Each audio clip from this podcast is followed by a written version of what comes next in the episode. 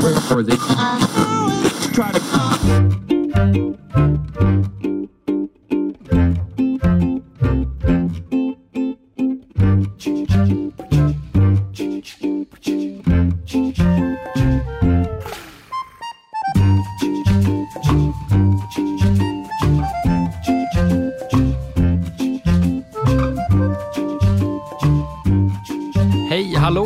Och välkommen till ett känslosamt avsnitt av Frekvens. Jag som pratar just nu heter Daniel Olofsson och på andra sidan av dekagonbordet sitter mannen som är full av känslor, Erik Bäckman. Hur är läget?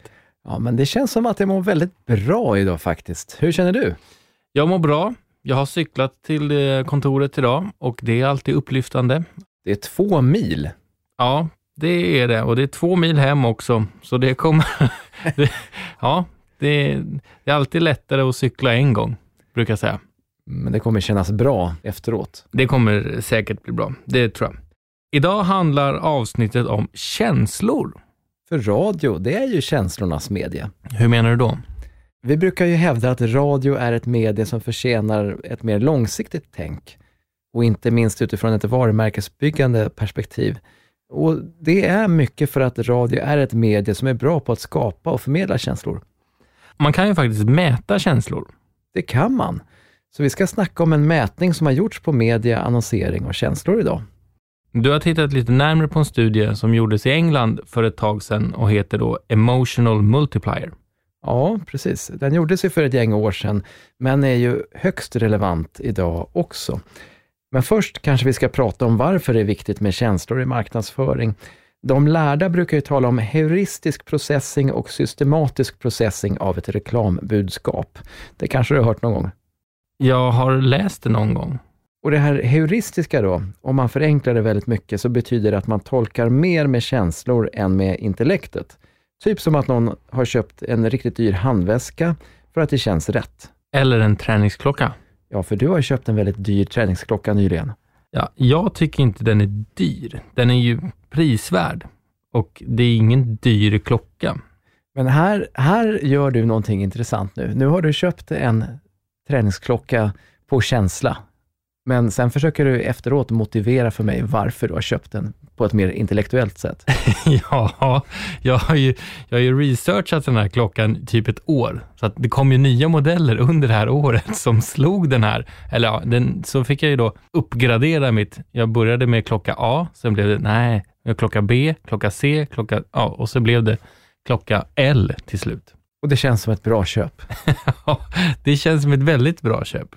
Hur som helst, när man spelar på folks känslor, alltså det som de kallar för heuristisk processing, så är det främst kontexten som påverkar, eller alltså i klartext då, vilket media som man kör reklamen i. För att ett känslomässigt budskap ska nå in hos konsumenten ordentligt, så är det alltså viktigt att mediet kan skapa positiva känslor. Och det är med den här utgångspunkten man har gjort den här Emotional Multiplier-studien. Det här är en rätt omfattande studie, men vi ska försöka plocka ut det viktigaste nu.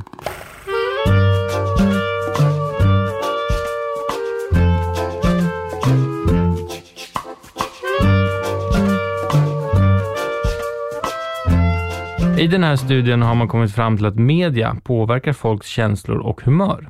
Och det har ju jag liksom haft på känn, men här är det statistiskt bevisat, eller hur? Yes, för i England gjorde man en panelstudie med tusen personer som flera gånger om dagen fick frågor på sin telefon. Och Då fick man svara på frågor vad man hade för energinivå samt vilken typ av media man konsumerade just då. Det var ju då radio, tv och online som man undersökte. Och redan nu kan vi väl avslöja att radio var ju det media som kom ut med högst nivåer utav både glädje och energi. Och om man jämför då mot tv och online, så var det dessutom många fler tillfällen under veckan som radio hade högre nivåer utav glädje och energi. Och i snitt kan man säga då att radio genererar 100% mer glädje och 300% mer energi jämfört med om man inte konsumerar någon media alls. Och just glädje och energinivå, ja men det är något som flera forskare kommer fram till, att det, det, är de, det är de här parametrarna som är det viktigaste om man ska påverka någon med känslomässig reklam. Man kan ju fundera på varför just radio skapar mest lycka och energi. Mm, och det har de väl kanske inte kommit fram till något helt klart svar i den här studion. Men om jag får spekulera lite grann själv, så, så tänker jag att dels förstås så, så är det ju så att ja, när man lyssnar på radio, då är det oftast eh, någon gång under den vakna delen av dygnet, mitt på dagen, så där är man ute, pigg och glad. Men om jag får spekulera lite grann själv så där, så kan man tänka sig att ja, men dels förstås så konsumerar man ju radio under den vakna delen av dagen när man är pigg, alert och glad helt enkelt. När det är ljust ute, solen skiner. Eh, men ännu viktigare är säkert att radio kan ju oftast kännas som ett mer personligt medium. Så att eh, det, det blir som en vän som berör en på ett skönt sätt. Så här. Och vem blir inte lycklig av det?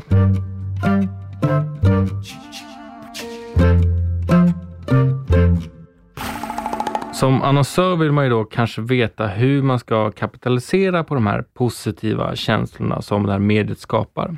Har man som radioannonsör någon nytta av glädje och energi? Mm, det är just den frågan som man ställdes i den här studien också. Så att, eh, man gjorde ju faktiskt en undersökning till inom samma studie.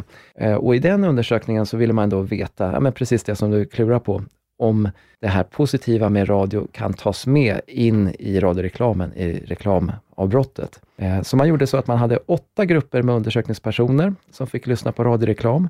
Och i hälften av de här grupperna då, då föregicks reklambreaket av ja, men bara tystnad. Och i andra hälften så föregicks det utav redaktionell radio. Vad räknas då som redaktionell radio?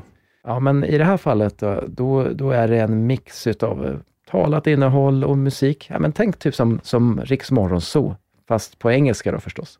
Sen mätte man då hjärnaktiviteten med hjälp av såna här elektroder på huvudet, en mössa.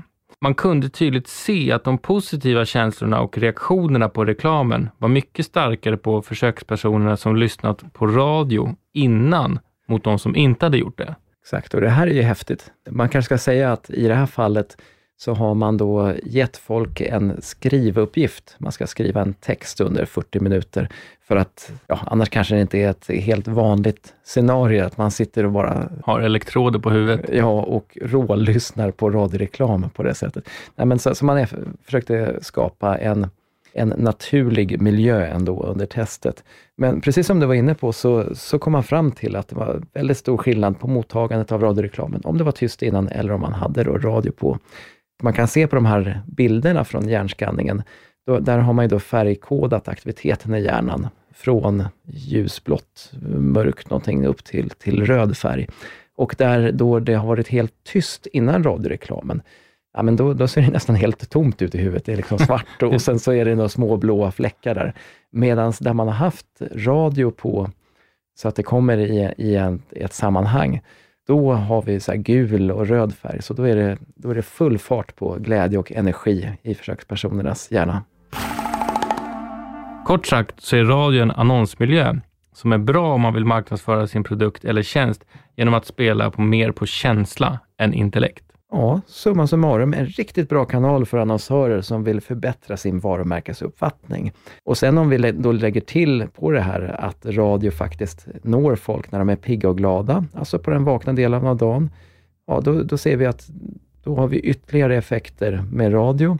Och samtidigt så, som en bonus så funkar ju faktiskt radio taktiskt, just tack vare att det konsumeras under vakna delen utav dygnet. Så man kan säga så här att man kan nå folk med rätt känsla och dessutom på precis rätt tidpunkt. Och vid precis rätt tidpunkt så kommer fler spännande avsnitt av Frekvens. Skönt att höra. Tack för att du har lyssnat. Tack, vi hörs. Hej!